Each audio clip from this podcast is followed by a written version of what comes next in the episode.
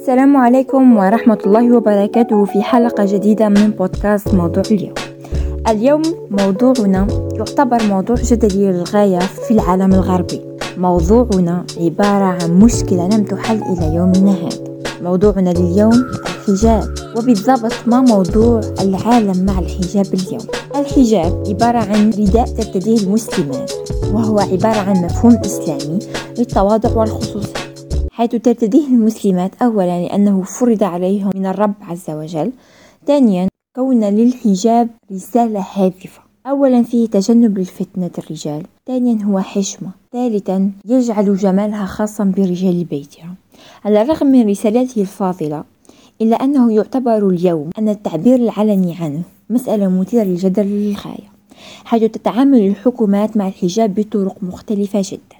حيث يقيد البعض ارتداء أي ملابس دينية والبعض الآخر يتيحها ويقول أنه من العادي ارتداء الحجاب في هذا البلد. مثلا ترفض الكثير الكثير من الدول الحجاب كفرنسا والهند. لاحظت آه، في فرنسا خلال الترشيحات السياسية الأخيرة أنه قد تم ذكر الحجاب أكثر من أي موضوع آخر. وأكثر من أي شيء آخر. تظن من خلال تصريحاتهم السياسية أن فرنسا لا تمتلك أي مشاكل سوى الحجاب. بينما في الهند أظن أن الجميع يعلم بما حدث مؤخرا في الهند بسبب الحجاب حيث تم منع المحجبات من ارتياد المدارس حيث منعهم المدير بنفسه حيث كانت حقا سحقة إعلامية في الهند. بينما يعتبر ارتداء الحجاب حقا كفله التعديل الأول كحرية التعبير وحرية الدين في الولايات المتحدة الأمريكية حيث آه، في كثير من الدول التي تسمح بارتداء الحجاب يعتبرون أن أن الحجاب مؤشر قوي للهوية حيث ينظر إليه العديد من غير المسلمين على أنه بيان سياسي يتم تفسيره على أنه علامة على الأصولية الإسلامية أو رفض المهاجرين الاندماج في المجتمع أو اضطهاد المرأة. لقد قمت مؤخرا بتحليلات شاملة عن كل التصريحات السياسية وتصريحات المحللين السياسيين الذين تم سؤالهم عن الحجاب وهل يشكل الحجاب هاجس لبعض الدول المقيدة له؟ وسأشرح لكم حق ما فهمته من كلامي. جزئيا إن ارتداء الحجاب هوس وهاجس لبعض الدول. فمثلا في فرنسا على عكس الدول الأوروبية الأخرى تتمحور المواطنة حول مبدأ الوحدة الجمهورية. ما معنى كلمة الوحدة الجمهورية؟ الوحدة الجمهورية تمشي بمبدأ البلد الذي لا يوجد فيه سوى دولة واحدة حيث الوحدة لا تقبل الجمهور ولا تقبل التعددية الوحدة مبنية على تهميش الاختلافات وتأكيد تجانس الجسم الاجتماعي والنظر على أن الجميع متشابه حيث أن جميع البلدان التي تتبنى الوحدة الجمهورية تجعل كل من ينتسب إليها يتخلى عن كل معتقداته يتخلى عن جميع اختلافاته. فالمحجبات ينتزعن الحجاب فالذين يصلون آه، لا يذهبون إلى المساجد حيث تصبح الدولة تنظر إلى الشعب على أن الجميع متشابه. وللمعرفة فقط معظم الدول التي تعادي الحجاب تعادي الإسلام أيضا. فهم يعتمدون على الفكرة القائلة بأن الدين لا يرافق الحرية وأن الدين يحد من الحرية. لذا الإنسان لا يصبح حرا وعقلانيا. لذلك تجد الهجوم على المسلمين لأن المسلمين هم أكثر الشعوب الذين يتمسكون بما قاله الله عز وجل في كتابه. فهم يعتبرون غير حرين غير متكاملين غير عقلانيين فيتم الهجوم علينا. كذلك يصبح الحجاب هاجس من خلال الرؤية السيئة له ومن خلال الترويج الإعلامي السيء له. أولا يعتبر النسويين في العالم أن الحجاب هو بلا شك علامة على اغتراب المرأة. وإن الحجاب نفسه يدعو إلى التساؤل عن مبدأ المساواة بين الرجل والمرأة حيث يعتبرون المرأة المحجبة ضد هدفهم ضد مبدئهم فيهاجمونه وكما قلت سابقا فإن الحجاب ترويج سيء حقا حيث أن هناك الكثير من الناس يؤمنون بالفكرة القائلة بأن ارتداء الحجاب يمكن أن يؤكد الاستقلال الذاتي حيث أن ارتداء الحجاب يحدد مصير النساء.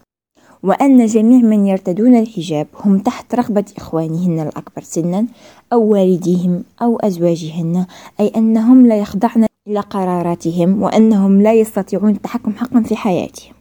وهم على حق بالظن بهذا. لاحظت في المسلسلات الأمريكية أو الأفلام الأجنبية أو أي شيء يخص الأجانب أن دائما أنهم دائما يظهرون المحجبات غير المتعلمات والأجانب متعلمات وفي أماكن مرتفعة. حيث بهذا يريدون إرسال غير مباشر للعالم أن المرأة عليها أن تنزع بملابسها لكي تصبح أكثر تعلما. أود أن أطرح عليكم ما قالته الفيلسوفة كاترين بولوك في كتابها حيث أشادت كثيرا بالحجاب على الرغم من أنها أجنبية حيث قالت أنها عندما ذهبت لأفغانستان وهي دولة مسلمة تفاجأت بالنساء يرتدين أجمل ما لديهن أمام بعضهن البعض وهو أمر غير شائع عند الغرب لأن النساء يتزين فقط للرجال هنا. كذلك يتم قبول المرأة المحجبة في العمل على أساس الكفاءة لا أمور أخرى كما لدى الغرب. كذلك في الغرب هو أمر شائع عندما تذهبين لمقابلة عمل. وأنت غير محجبة لن ينظروا إليك في مقابلة العمل فقط لذكائك أو مدى اجتهادك أو سينظرون, إلى جسدك إلى آه، شعرك سينظرون إلى كل شيء ما عدا مدى كفاءتك. وهذا ما يلقب بتسليع المرأة أي أنهم ينظرون إليها كسلعة بينما إن كنت محجبة فسيتم النظر إلى كفاءتك. عندك مقابلة عمل. ما إن دخلت إلى مكان المقابلة ورأوك تلفين الحجاب على رأسك فهم يعرفون أساسا أنك مسلمة يعرفون أساسا ماذا ينص الإسلام. لذلك سينظرون إلى كفاءتك حقا. سنتطرق بعد قليل إلى مشكلة التوظيف لدى المرأة المحجبة. لكن أولا أريد التحدث أو التفصيل أكثر في موضوع في موضوع النسوية التي تحدثنا عليه سابقا. حيث تقول النسوية أن المرأة يجب أن تكون قادرة على ارتداء حجابها بحرية حيث أن الحجاب لا يتبناه الجميع بدافع الإسلام بل يتبناه على على عادات إسلامية وتخويف من الآباء. وأنه حتى لو كانت النسوية مع ارتداء الحجاب إلا أن المسلمات لا يتمتعن بحرية ارتداء الحجاب وحرية التصرف في أجسادهن كما يريد. لا أريد أن أتحدث بالتفصيل عن نسوية وشكاد أريد التحدث عن حرية ارتداء الحجاب. من أين أتى هذا المصطلح؟ وما دخل المسلمين في المساواة؟ وما دخل المسلمين في كل هذا؟ لنبدأ. لنعود إلى القصة في القرن 19 حيث كان حيث كان الرجال يبيعون النساء بأرخص الأثمان. كانوا يظنون أن حواء أغوت آدم. بالخروج من الجنة وأكل الثمر المحرمة إلى آخره. لذا يجب على النساء تحمل مسؤولية ما فعلته حواء بآدم فكانوا يبيعوهن. أيضا لقد كانت كان يتم رؤية المرأة كسلعة بحثة حيث كانوا يظنون أن دخول رجل مع امرأة جميلة كسياقة لامبورغيني اليوم. وبعد اضطهاد المرأة لسنين ظهرت حركة الحرية والمساواة وذلك للظلم التاريخ التي تعرضت إليه المرأة. وتطورت المساواة إلى حرية آه، إلى حرية ارتداء ما نريد إلى حرية إلى الكثير من الحريات حتى وصلوا إلى حرية الحجاب. السؤال الذي يطرح هنا ما شأن المسلمون بظلم النساء في القرن التسعة عشر حيث الإسلام جاء ورفع قيمة المرأة ولم يسقطها؟ الإسلام جاء وكرم المرأة بجعلها ترتدي الحجاب. مع الأسف نساؤنا اليوم يتبعن كل ما يرونه من الغرب. هم يخضعون ببساطة بالبريق الزائف للغرب. لننتقل إلى مشكلة توظيف المرأة المسلمة أو مشكلة توظيف المرأة المحجبة. اليوم المرأة المحجبة لا تستطيع الحصول على عمل وإذا كان لديها وظيفة راتب ليس هو نفسه. لماذا؟ يتمسك الغرب أو مدراء الغرب بأنهم لا يمكنهم توظيف شخص محجب. لأنه سيصلي خمس صلوات في اليوم وهذا سيؤثر على مردوديته. وإن تم إقناعه بواسطة كفاءتها بأن تعمل فلن يعطيها نفس الراتب لأنها ستصلي. وإن كانت ستصلي ستخسر بعد الوقت فيقطعه من راتبها. وأنا الآن لا أتكلم عن ما يحدث داخل جامعات العالم من اضطهاد ضد المرأة المسلمة أو المحجبة حيث لا يمر عام دون أن يرفع وزير موضوع الرموز الدينية في الجامعة فهل تستطيع المرأة المسلمة حقا أن تضع دينها جانبا على أبواب الجامعة؟ في كثير من دول العالم يتم حظر التعليم على المحجبات. حقا لا أفهم كيف نريد أن يحرر الناس أنفسهم من خلال استبعادهم من التعليم الوطني. نحن نعيش ببساطة في حلقة زمنية لا تحل فيها مشكلة الحجاب أبدا. انظروا إلى مريم بوجيتو التي تم إعدامها إعلاميا بسبب حجابها. فللأسف إلى الآن يعتقد معظم الناس أن الحجاب أداة خضوع. سأعطيكم نبذة قصيرة عن مريم بوجيتو. مريم بوجيتو ظهرت آه، كرئيسة منظمة طلابية في فرنسا محجبة في التلفاز وهذا ما خلق مشكلة عويصة في فرنسا. بين قوسين مريم بوجيتو فرنسية مسلمة حيث تم قتله حقا إعلاميا.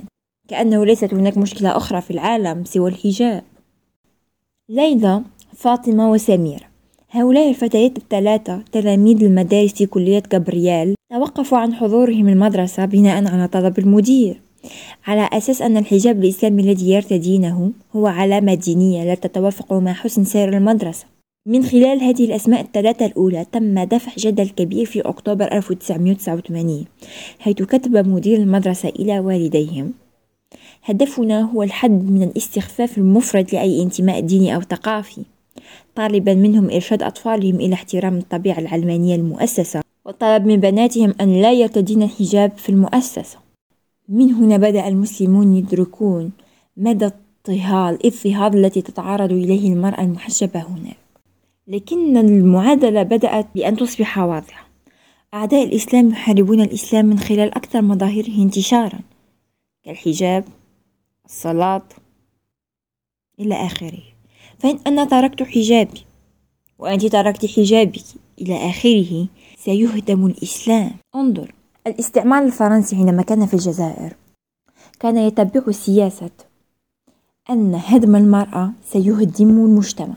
فكانوا يذهبون إلى أكثر مظاهره عمقا كانوا يذهبون وراء الحجاب حيث تختبئ المرأة. هذه كانت نهاية حلقتنا اليوم. أود أن أقول رسالة لكل, نساء لكل النساء المضطهدات في العالم بسبب حجابهم. تذكروا أنكم أفضل عند ربكم. وصبروا أنفسكم بالجنة على هذه الأيام الفانية. كذلك أود أن أقول لكل المسلمات حول العالم حاولوا أن تضعوا حجاب القلب مع حجاب الرأس أيضا. ودمتم بأمان الله.